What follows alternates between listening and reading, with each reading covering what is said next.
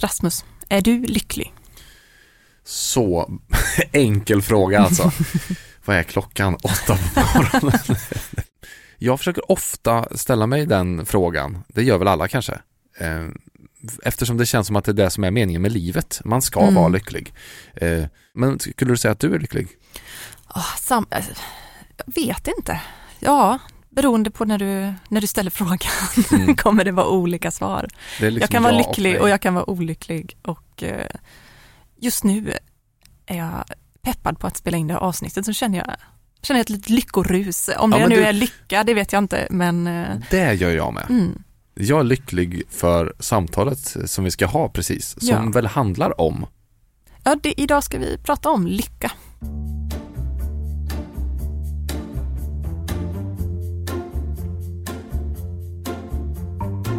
Du lyssnar på Förnuft och känslor, där vi försöker förstå olika fenomen och händelser i samhället med hjälp av psykologi.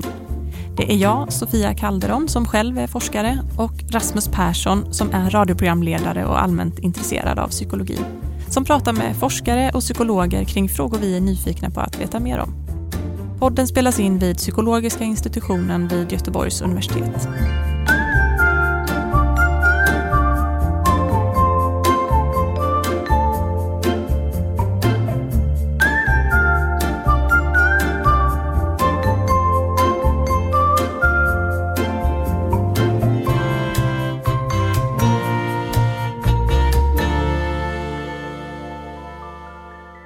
Idag har vi med oss Per Bjelkebring, min kollega eh, som är forskare i psykologi här på institutionen.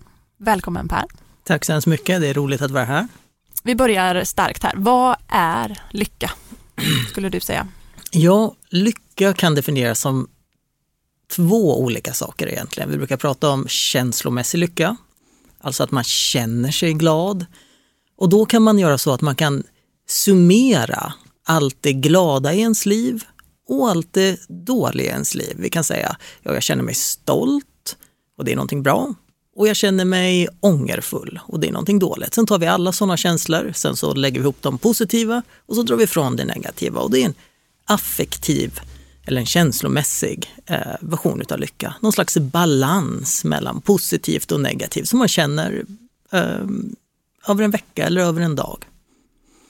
Och sen så kan man också tänka sig att vi har en mer kognitiv, alltså vi känner efter med hjärnan hur vi mår. Och då kan det vara så att vi eh, tar och försöker tänka på hur nära det perfekta livet är jag. Och det finns frågor som man ställer så här ungefär till försökspersoner. Se ditt liv som en stege med tio eh, trappsteg. Var befinner sig du dig på den stegen? Om eh, det första trappsteget är det absolut sämsta livet och det tionde trappsteget är det absolut perfekta livet. Så var någonstans på den här trappstegen och då pratar vi mer om kanske vad man har gjort och hur man känner, eller hur man tänker kring sitt liv. Mm. Det är ganska stor skillnad på de sätten att se på det. Ja, Vilket tror du är det mest, liksom, vilket är det bästa sättet att tänka på lycka för att må bättre? vi, vi pratar ju ofta om lycka som någon slags eh, eh, meningen med livet begrepp. Och då tror jag att det kan vara närmare vad många tänker då, eh, vad lycka är. Just det här, vad har vi åstadkommit med livet? Alltså det, det är någonting som är mer stabilt än den här eh, mer flyktiga känslan. Och kanske också någonting som vi kan arbeta mer med, alltså någonting som vi kan förändra hur vi ser på det. Och, och när vi tänker på vad jag åstadkommit, då blir ju det någon slags jämförelse. Och det viktiga med det där, det beror ju på vem man jämför sig med, eller hur? Ja, visst Och är det så. Det där kan man se att det där kan man faktiskt påverka en del. Att tänka, vem ska jag eh, jämföra mig med? Mm. Och hur ska jag göra det? Och ska jag egentligen kanske vara lite mer tacksam för där jag är? Och, och det där är ju ett dubbeläggat svärd förstås. För på ett sätt är det ju bra. Jag tänker, jag kan nog åstad- åstadkomma mer med mitt liv. Mm. Och på ett sätt så finns ju en kostnad i det också. Men alltså Per, hur definierar olika kulturer lycka och välbefinnande? Alltså, jag tänker så är det här lyckobegreppet universellt eller finns det en specifik koreansk lycka som liksom skiljer sig åt markant från, ja men vad ska man säga, en kroatisk? Ja, det, det är olika i olika delar av världen. Det kan också finnas sådana rent lingvistiska förklaringar. Alltså att lycka kanske bara betyder någonting speciellt på ett visst språk. Och vissa säger att danskarna är så lycka för att deras ordet för lycka eh, har just en viss betydelse eh, som gör att man ofta svarar högt på det. Men, men ifall du ser på de här större strömningarna om, om liksom, vad betyder det att vara lycklig? Så i Europa och kanske västvärlden, USA, Nordamerika, så, då betyder lycka just det här, var på stegen är du? Mm. Har du åstadkommit någonting med ditt liv? Eh, hur nära det perfekta är ditt liv? Och där brukar man säga att självkänslan är en jättebra eh, prediktor som vi säger inom forskningen. Alltså någonting som, ifall man har hög självkänsla så har man också hög lycka. De är starkt relaterade till varandra. Ifall vi går till Korea som ligger i eh, eh Östasien. Där så ser man på lycka som mer en balans mellan det positiva och det negativa i, i sitt liv.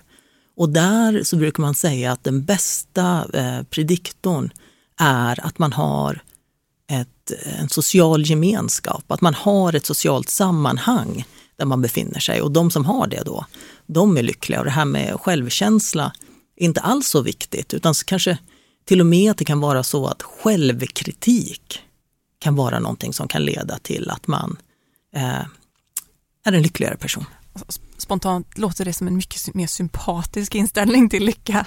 Både utifrån hur man är lite mer snäll mot sig själv men också hur, hur eh, ja, att det inte handlar om den här strävan uppför en stege utan mer vad har jag balans i mitt liv? Håller mm. du med?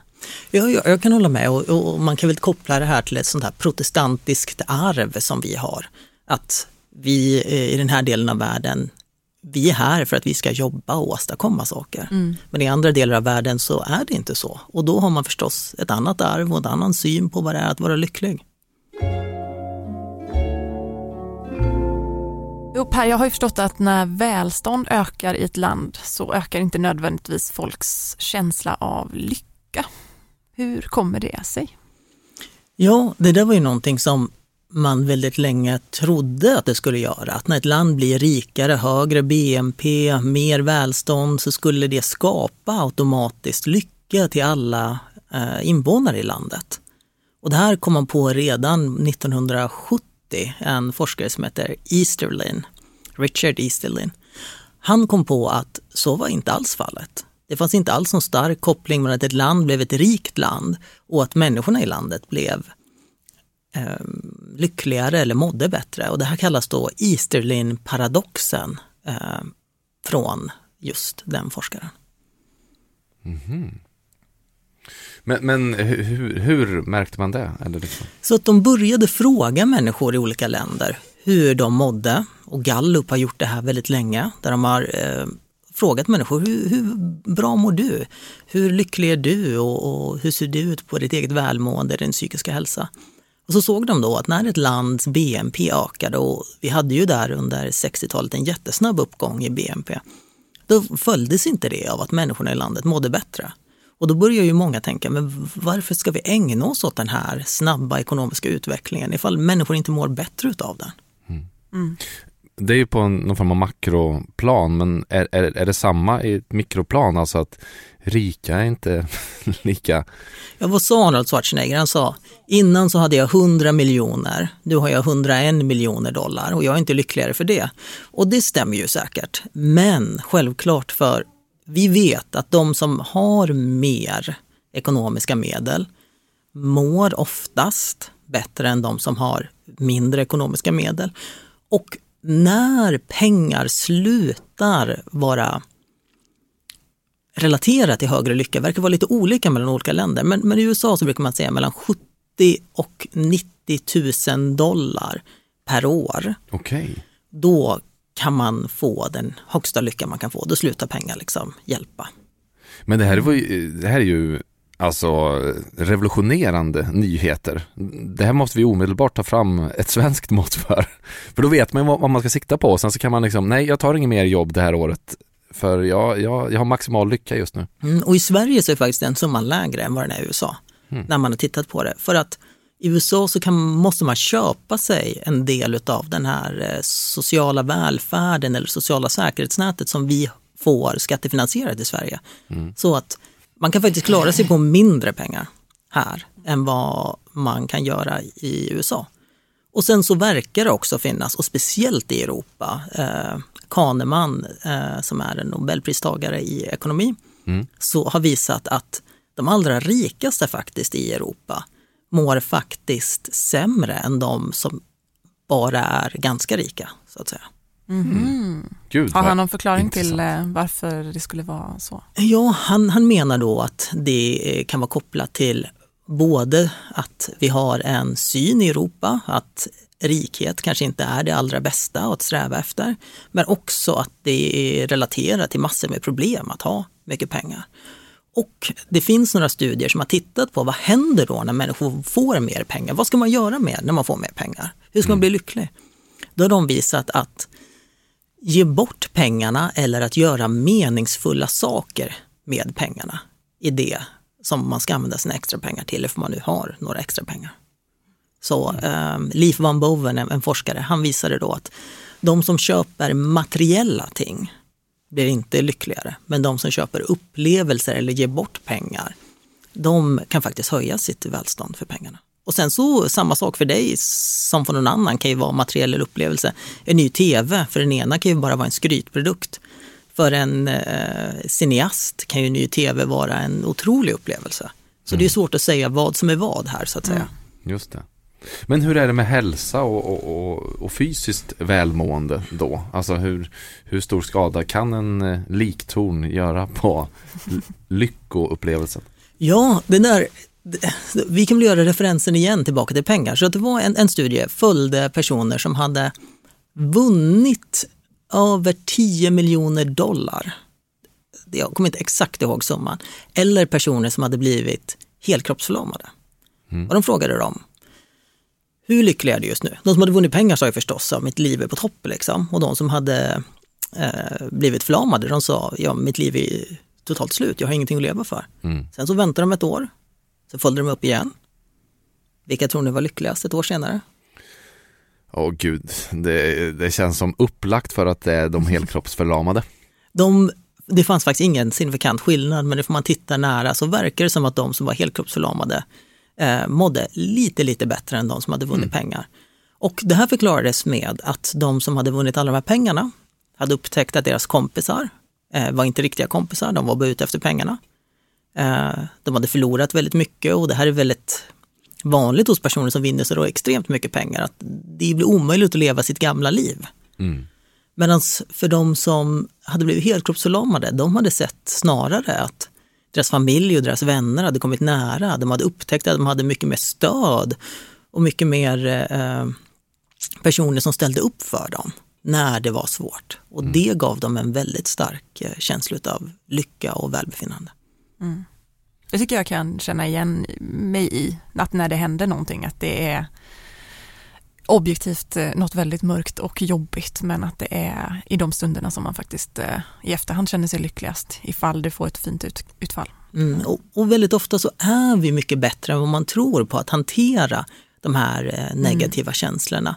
Um, det finns studier på personer som blivit oskyldigt dömda till långa fängelsestraff. Mm. Och sen så de har kommit ur fängelse eh, så är det många som säger Jo, det, det var ju en, frukt, en fruktansvärd tid i mitt liv.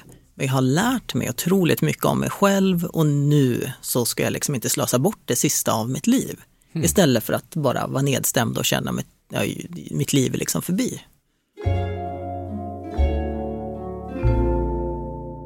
Här kommer en fråga som är väldigt så close to home för min del.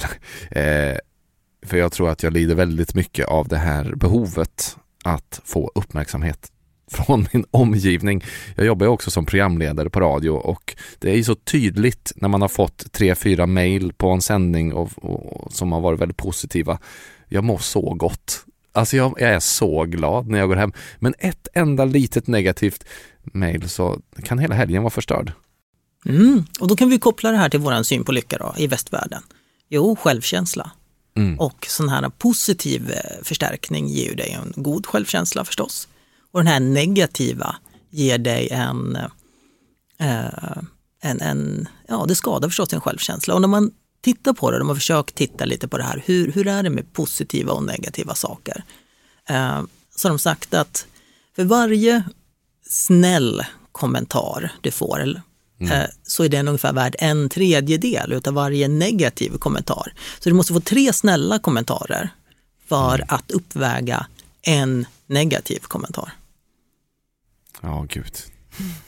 Man kan ju också koppla det till det här att varför vi är så, vi är ju fokuserade på det negativa som människor. För att det är på något vis larmsystemet om att någonting i vår miljö är fel. Mm. När saker är positiva så kan de gå förbi för då behöver vi inte aktivt agera på någonting i, i omgivningen egentligen. Mm. Då är det som det ska. Men när det, dyker upp något jobbigt då, då ska vi liksom Men- men- agera på något sätt för att ändra det. Men skulle man eh, kunna tjäna då på att försöka lära sig en mer koreansk eh, liksom, livsfilosofi? Att försöka fokusera mindre på självkänsla och mer på någon form av balans istället då?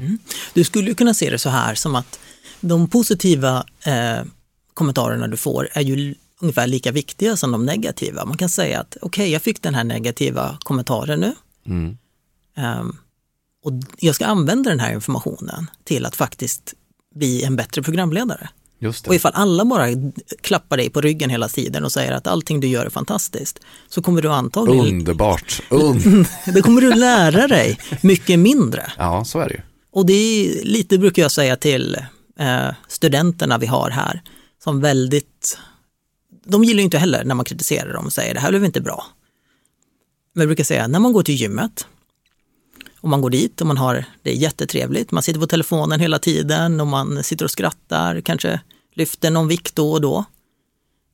Då utvecklar man sig ju mycket mindre som människa, eller får man gå till gymmet och att det kan vara riktigt plågsamt.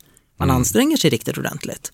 Och man får inte glömma bort det, att den här negativa feedbacken, allt det här dåliga som händer en, det är kanske då man växer och utvecklas som mest. Mm. Och det är någonting som jag tror att vi inte fokuserar så mycket på som koreanerna eller japanerna fokuserar på. Att det finns någonting positivt i det negativa som handlar om att man kan bli en bättre person.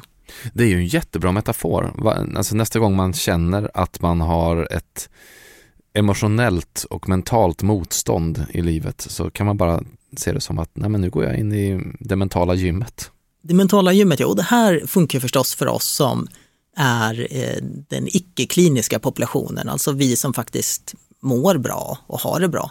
Och det är ju annorlunda ifall man lider av en depression, då är det ju svårt att tänka sig att det är bara att gå till gymmet. Eh, eh Det, det är inte så, då behöver man ju en annan form av behandling. Och, eh, så det är ju inte, man kan, det som funkar för vissa funkar ju inte för alla. Du pratar Just ju om det. personer som mår eh, bra i grunden och hur man ska hantera små motgångar i livet.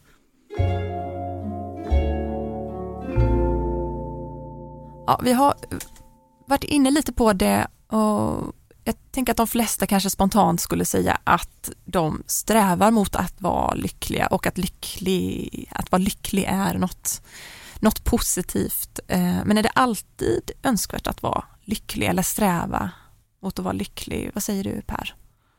Ska det alltid vara målet? Det beror väl på, ska jag säga, och jag skulle nästan säga nej på den frågan. För att det finns så mycket annat som är viktigt här i livet förutom att vara lycklig. Man kan ju sträva för personlig utveckling, man kan sträva efter att göra andra lyckliga eh, och inte sig själv. Dessutom finns det många situationer där vi aktivt väljer att skrämma oss själva eller göra oss själva ledsna. Man kan tänka sig att vi tittar på en sorglig film eller vi tittar på en läskig film och det är ju för att vi söker de här andra känslorna som gör livet eh, värt och intressant att leva. Och så är det ju så att om vi går på en begravning, klart att vi ska vara ledsna och sorgsna, det är ju helt normalt. Mm. Då kan man inte gå dit och bara le och skratta och vara lycklig. Det är ju jättekonstigt beteende och inte alls eh, adaptivt eller bra. Nej.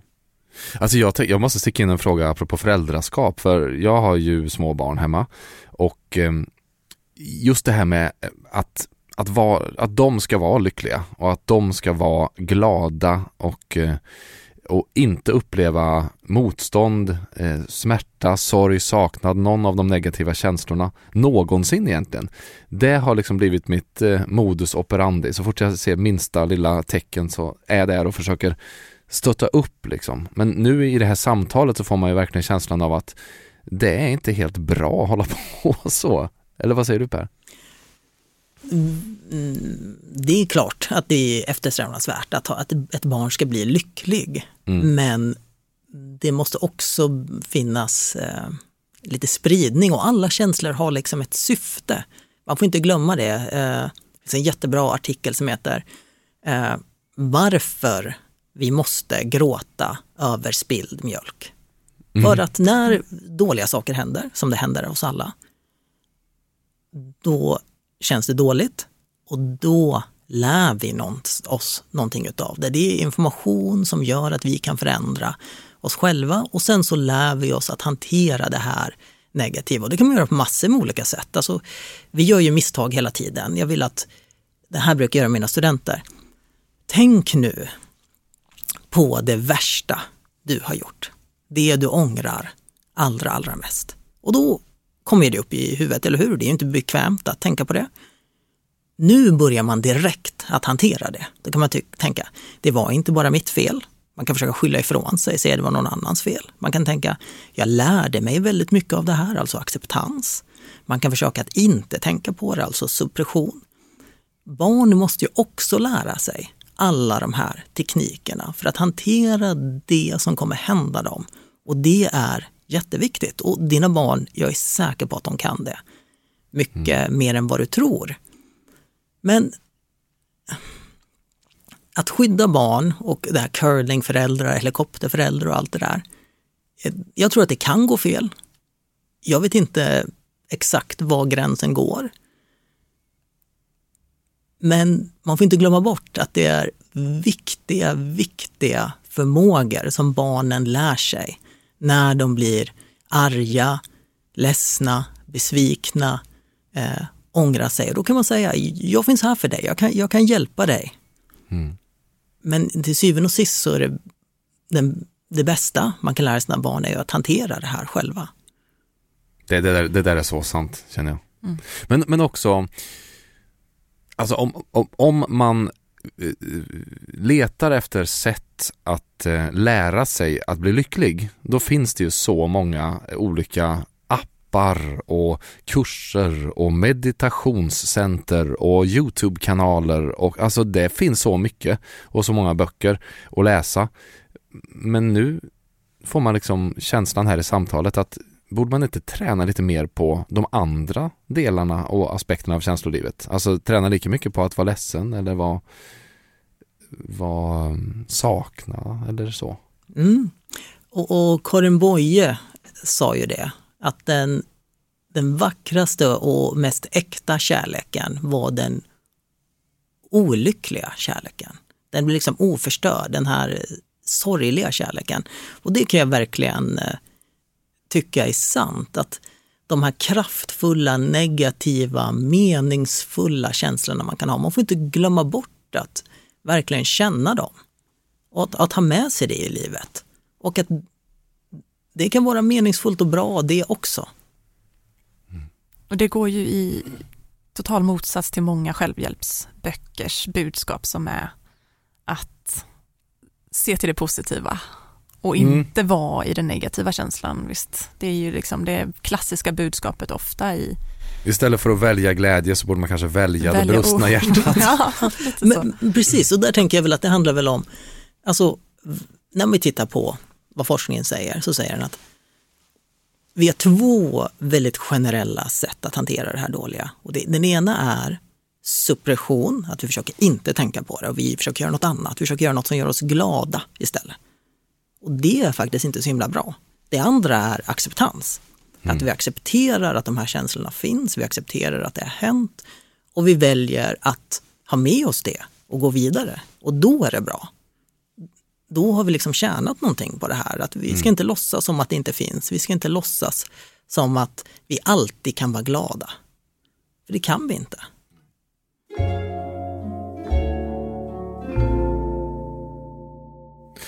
En fråga som jag, jag måste ställa Per när, när du ändå är här. För det finns en människotyp som jag blir så, ja men på samma gång väldigt avundsjuk gentemot men också provocerad av. Och det är de här lyckliga jäklarna som är, alltså det känns som att de vaknar och lever och går och lägger sig med bara en sån stark sprudlande lyckokänsla. Det är samtliga människor från Norge och en del andra. Eh, men liksom, ligger det något i det? Alltså kan det vara så att man föds och bara, ja varsågod barn som är mitt, eh, du ska få vara lycklig resten av livet, varenda dag. Tyvärr så ligger det någonting i det där. God damn it. alltså ja, man brukar prata om hedonisk adaption. Eh, att vissa, vi har liksom en, en nivå av lycka som vi befinner oss runt. Den är delvis, jag brukar säga ungefär 40-50 procent kommer från genetik. 10 procent kommer från andra omständigheter som man inte har någon möjlighet att påverka, alltså ens barndom och ens uppväxt och sådär. Och 40 till 30 procent, det som är kvar, det är det man gör med livet. Och det är ju inte så himla jättemycket. Men det kan ha en jättestor effekt på någon som mår eh, väldigt dåligt. Eh, så att de här personer du pratar om, de kanske bara råkar ha lite mer serotonin och dopamin i hjärnan. Mm. Och det, det blir inte så himla jobbigt för dem. Det bara är så. Och alla vi som eh, går runt och är neurotiska, vi får helt enkelt leva med det på något sätt. Ja, och då får vi tänka att det är ju jättebra för oss och vi kan ju använda det här. Det finns ju massor med saker som du tänker på, som du använder och som du kan lära dig om andra och om dig själv för att eh, göra någonting bra utav det. Jag brukar säga när man hamnar, när jag var yngre och många andra när de var yngre, då tänkte de att jag vill bli en annan person. Någon, jag vill bli en sån här person som alltid är lycklig eller någon som alltid är sådär. Nu kanske man har fått acceptera, jag är så här så som jag är. Men det jag kan göra är att jag kan anpassa det så som det är runt omkring mig. Jag vet själv att jag måste få min sömn. Jag vet att jag inte får dricka för mycket kaffe på eftermiddagen. Jag vet att jag inte ska sätta mig på internet och debattera med någon som har tänkt fel. alltså för det leder bara till att jag blir olycklig. Ja. Eh, så det finns massor med saker jag kan göra, att jag kan förändra mitt liv för att acceptera den jag är. Kan, kan lycka då vara relaterad till någon typ av analytisk eh, förmåga. Vi brukar ju titta på det med analytisk förmåga som kan ha, ha en stark relation till mycket. Så jag tänker om man självreflektion då kanske, att så här, det här verkar jag må dåligt av. Vad kan jag göra annorlunda eh, och sådär för att aktivt jobba med sin lycka. Ja, det tror jag. Och det är därför jag tror att äldre mår bättre än yngre. Mm. För att de också har lärt sig det här. De har lärt sig vad som gör just dem lyckliga. Um, och jag tror att om man anstränger sig lite så kan man lära sig det tidigare i livet. Man behöver inte vänta tills man är 60-70 år för att veta vad man ska vara. Och kanske relatera till det du sa innan med att, man, eller som vi pratat om en hel del, att de negativa upplevelserna är viktiga och de lär en kanske den här analysen och reflektionen kring att faktiskt undvika vissa situationer också som man vet att man mår dåligt av. Precis, och sen så ska, där du är vi tillbaka till barnen, att bara för att någonting gör att man mår dåligt så ska man ju inte alltid undvika det, nej, nej, om precis. det finns positiva saker utav det också. Men, men det finns många saker. Då går vi in i mentala gymmet. precis, så får vi gå in i det mentala gymmet. Men, men jag vet ju att det finns inte så mycket av mig att lära mig att sitta på Facebook och debattera Nej men exakt, det var de situationer jag tänker mer så här. Jag vet att liksom det här, jag behöver inte göra det här i livet. Det ger mig inte heller några verktyg för att bättre hantera motgångar i livet, att sitta på forum på jag, Facebook. Jag har faktiskt bestämt mig för att ta bort alla sociala medier nästa vecka och, och, inte på det här liksom noobiga sättet som jag gjorde för tio år sedan att man avaktiverar konton bara och sen är tillbaka efter ett par veckor. Jag har nu tagit beslutet att det ska väcka alltså. Det ska raderas. All information, allting, det ska bara väck. Spännande. Och, och det var eh, på grund av att jag ställde mig själv frågan. Nu har jag använt detta i 15 år. Varje dag. Det är timmar varje dag. Och så försökte jag komma ihåg, har jag någon gång fått något positivt av detta? Har jag lärt mig någonting? Har jag hittat någonting? Har jag eh, fått en lycklig känsla av att vistas där och vara där? Och jag kunde ärligt talat inte komma på en enda gång. Eller jag hade inget sånt minne. Så Mm. Det är ju ett väldigt bra exempel på att det kanske behöver inte vara där. Nej, helt det kanske inte är för mig. Det Nej. kan vara för många andra, men kanske inte för mig. Ja. Det blir en, något att följa upp i podden, se hur det går. Sen så är det ju också bara olika delar i ens liv man kan behöva det. Jag, jag gjorde en, en liknande sån där eh, sak för mig själv och det var att jag lyssnar mycket på podcast. Så jag Mm. uppskattar podcast väldigt mycket och jag läser väldigt mycket tidningar. Då bestämde jag att jag ska sluta läsa tidningar nu eh, den här våren och jag ska lyssna bara på Ekot. Det ska få räcka. Mm. Liksom så. Och lite andra podcasts förstås, men för nyhetsintaget så räcker, får Ekot räcka. Och sen ska jag använda den där tiden till att lyssna på musik istället. Mhm. Och där tycker jag att när jag lyssnar på musik så känner jag att det leder till en helt annan typ av självreflektion än när jag läser eller lyssnar på podcasts. Det finns fortfarande tid för mig att läsa och, och lyssna på podcasts men jag läste väldigt mycket nyheter och ägnar säkert två timmar per dag åt det. Mm. Och då kan jag istället ägna en timme till att lyssna på musik. Och det tror jag har, har varit bra för mig. Och jag tror att man får bara experimentera med sitt liv på det här sättet. Mm. Och, och kanske inte ta allting man gör bara för givet och att så här måste det vara. Och sen får vi inte glömma bort det här med att inte ta saker för givet och tacksamhet. För vi gör ju det. Allt dåligt som händer, det tycker vi är någonting fel. Mm. Allt bra som händer, då tänker vi som Sofia sa, det är så det ska vara. Ja. Ja, och vi är helt otacksamma. För att vi har en fin partner, barn, mat på, ba- på ja, bordet och så vidare. Ja, verkligen. Ja. Och där, det finns ju, vi kan koppla det till det här med bordsbön till exempel. Det, det finns ju eh, många kulturer som ägnar sig åt det. Varje dag när man sätter sig ner för middagen, då säger man tack. Och jag tror att det finns någonting i att det finns en slags lärdom i det. Att istället för att ta allting bara för givet så kan man säga tack för saker som bara är helt naturliga. Och de, den forskningen som finns på det visar att ha till exempel en tacksamhetsdagbok eller att bara säga tack kan fungera till att uppskatta livet lite mer.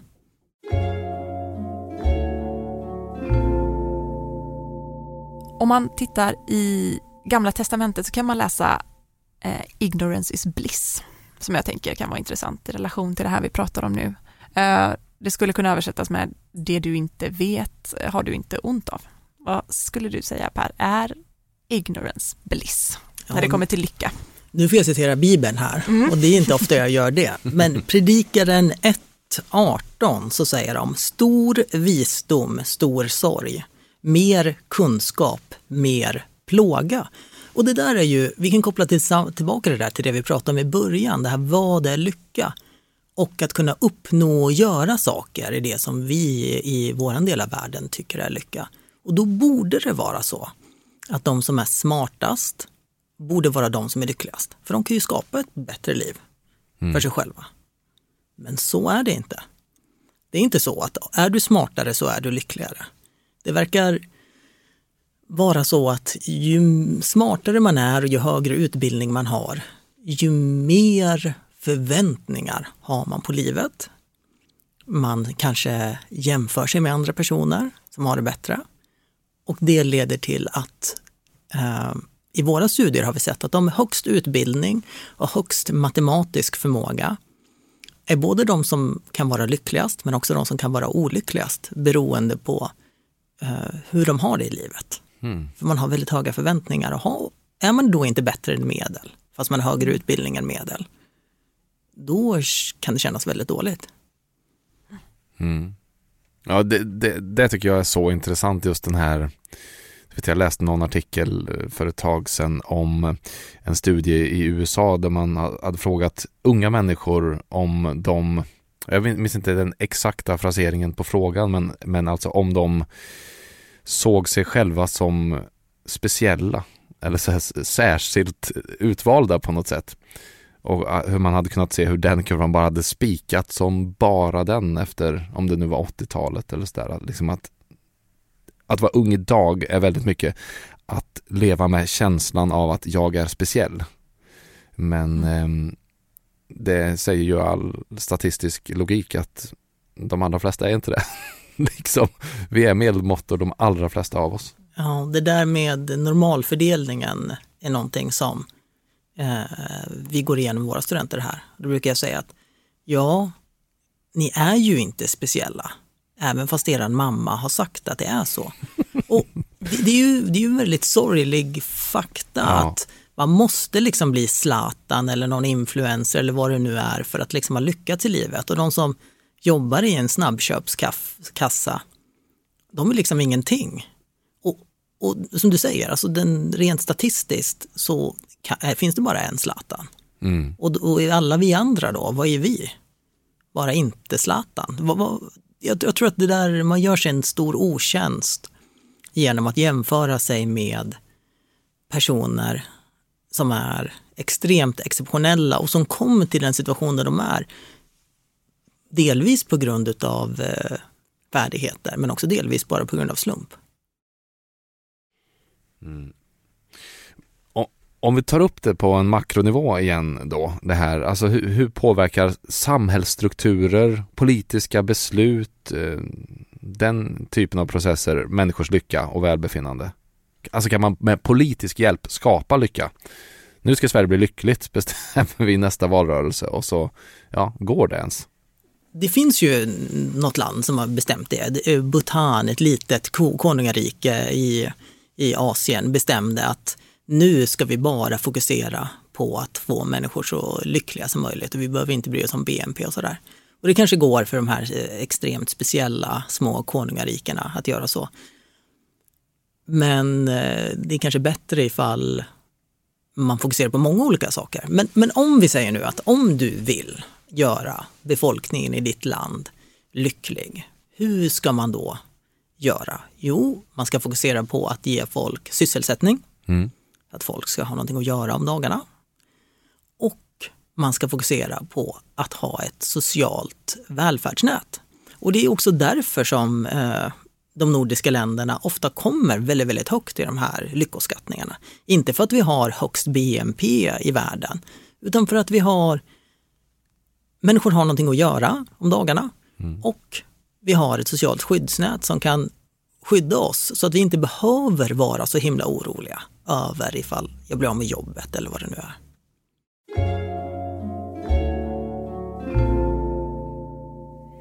En sista fråga som jag har apropå det här med mentala gymmet som vi har varit inne på. Man hamnar ju där då och då och man måste hantera negativa känslor i sitt liv. Ju. Vi har ju varit inne på och pratat om att, eh, att det är ett tillfälle för eh, utveckling och mognad och liksom att det finns väldigt många positiva effekter av eh, de negativa känslorna. Men om man upplever dem som så jobbiga och så negativa så att man har problem, alltså de, de går ut över ens vardag och ens liv och ens välbefinnande. Vad finns det för copingstrategier så att säga för att ta sig ur, gräva sig ur det hålet om, om det går och gräva sig ur ett hål? Det går ju definitivt att gräva sig ur de här hålen som man kan eh, befinna sig i och faktiskt de flesta människorna går igenom en depression åtminstone i sitt liv. Eh, så det är absolut inget konstigt. Det kan vara bra att se till att man tar hjälp. Jag brukar säga till eh, de jag pratar med, men det är ju som att ifall du vill utvecklas på gymmet så frågar du en PT. Ja, då får du fråga en terapeut, en psykolog om hjälp med det här ifall det blir väldigt, väldigt jobbigt. Och det borde nästan varje person ha gjort det, man är i 40-årsåldern. Då har man alltid gått igenom någonting som man behöver prata med någon med. Um, och sen finns det ju andra, hela den här självhjälpslitteraturen där jag tycker att det finns en hel del saker man kan göra som man kanske borde göra. Men på det stora hela så är det bara så här gamla självklarheter. Eh, att ha bra och hälsosamma rutiner kring sitt ätande och träna är jätte, jättebra. Man ska hitta en träningsform som är bra för dig, som passar dig. Och den forskningen som finns på det här visar ju att det finns inte en sak som alla kan göra för att bli lyckliga. Vi, vi måste hitta det som är bra för oss. Sådana saker som tacksamhet kanske hjälper för vissa men inte för andra, men det verkar hjälpa för många. Eh, det finns aspekter av till exempel mindfulness eller meditation eller eh, eh självmedkänsla är också en, en stor, eh, har stora effekter. Men där har man också sett att mindfulness till exempel kan ge vissa personer stark ångest. Så att det funkar det inte för dig så funkar det inte för dig. Och det är bara att acceptera. Och, och jag tycker att man ska undvika det här om man själv har hittat någonting som passar jättebra för en själv. Då vill man gärna berätta för andra hur lätt det är att bli lycklig. Och det kan göra att de som mår dåligt eller de som har depression faktiskt mår ännu sämre. Att man lite förlöjligar deras, eh, eh deras lidande och säger, ja men välj lyckan bara. Jag springer ett ultramaraton om dagen och jag mår jättebra, det borde du också göra. Det är ju varken realistiskt eller schysst. Hur tycker du man ska göra? Jag håller verkligen med om det här. Uh, hur tycker du man ska göra om man eh, märker att någon inte är lycklig? Som är i ens närhet och då kanske ber om, ber om eh, råd.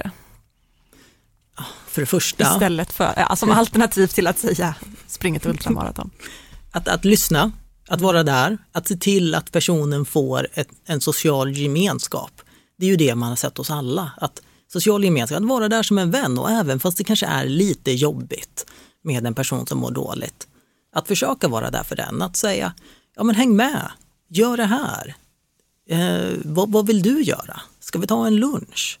Och så. Och sen så att om man ser att det är riktigt illa, eller inte riktigt illa, men får man märker att det här är inget som den här personen kanske löser själv och ingenting som jag kanske kan hjälpa den här med.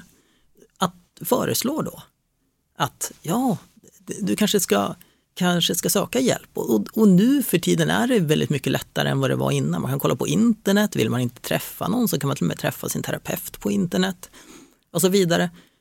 Och en, en sak som jag tycker gör det här ännu lättare, det är att om man själv känner att man har problem så tycker jag man ska söka till en psykolog och få hjälp av en psykolog. För då blir det mycket lättare att säga till sina kompisar eller bekanta, när de har det svårt kan man säga, jag mådde dåligt, jag gick till psykolog och det hjälpte mig. Det är väldigt, det, det ring, ringar ju lite falskt att säga, gör det här som jag aldrig skulle göra. Mm. På något sätt. Mm. Och där, jag vet inte, någonstans i allt det här så, att vara en vän, det låter jag som Bamse men eh, det är väl det man kan förväntas göra mm. mot sina vänner. Jag tycker vi ska praktisera lite tacksamhet. Mm. Jag är så tacksam för att vi fick ha det här samtalet med dig Per. Alltså. Verkligen, jag, jag med. Mycket, mycket klokare. Mm. Så tusen tack verkligen. Ja, tack själva, det var jätteroligt att vara här.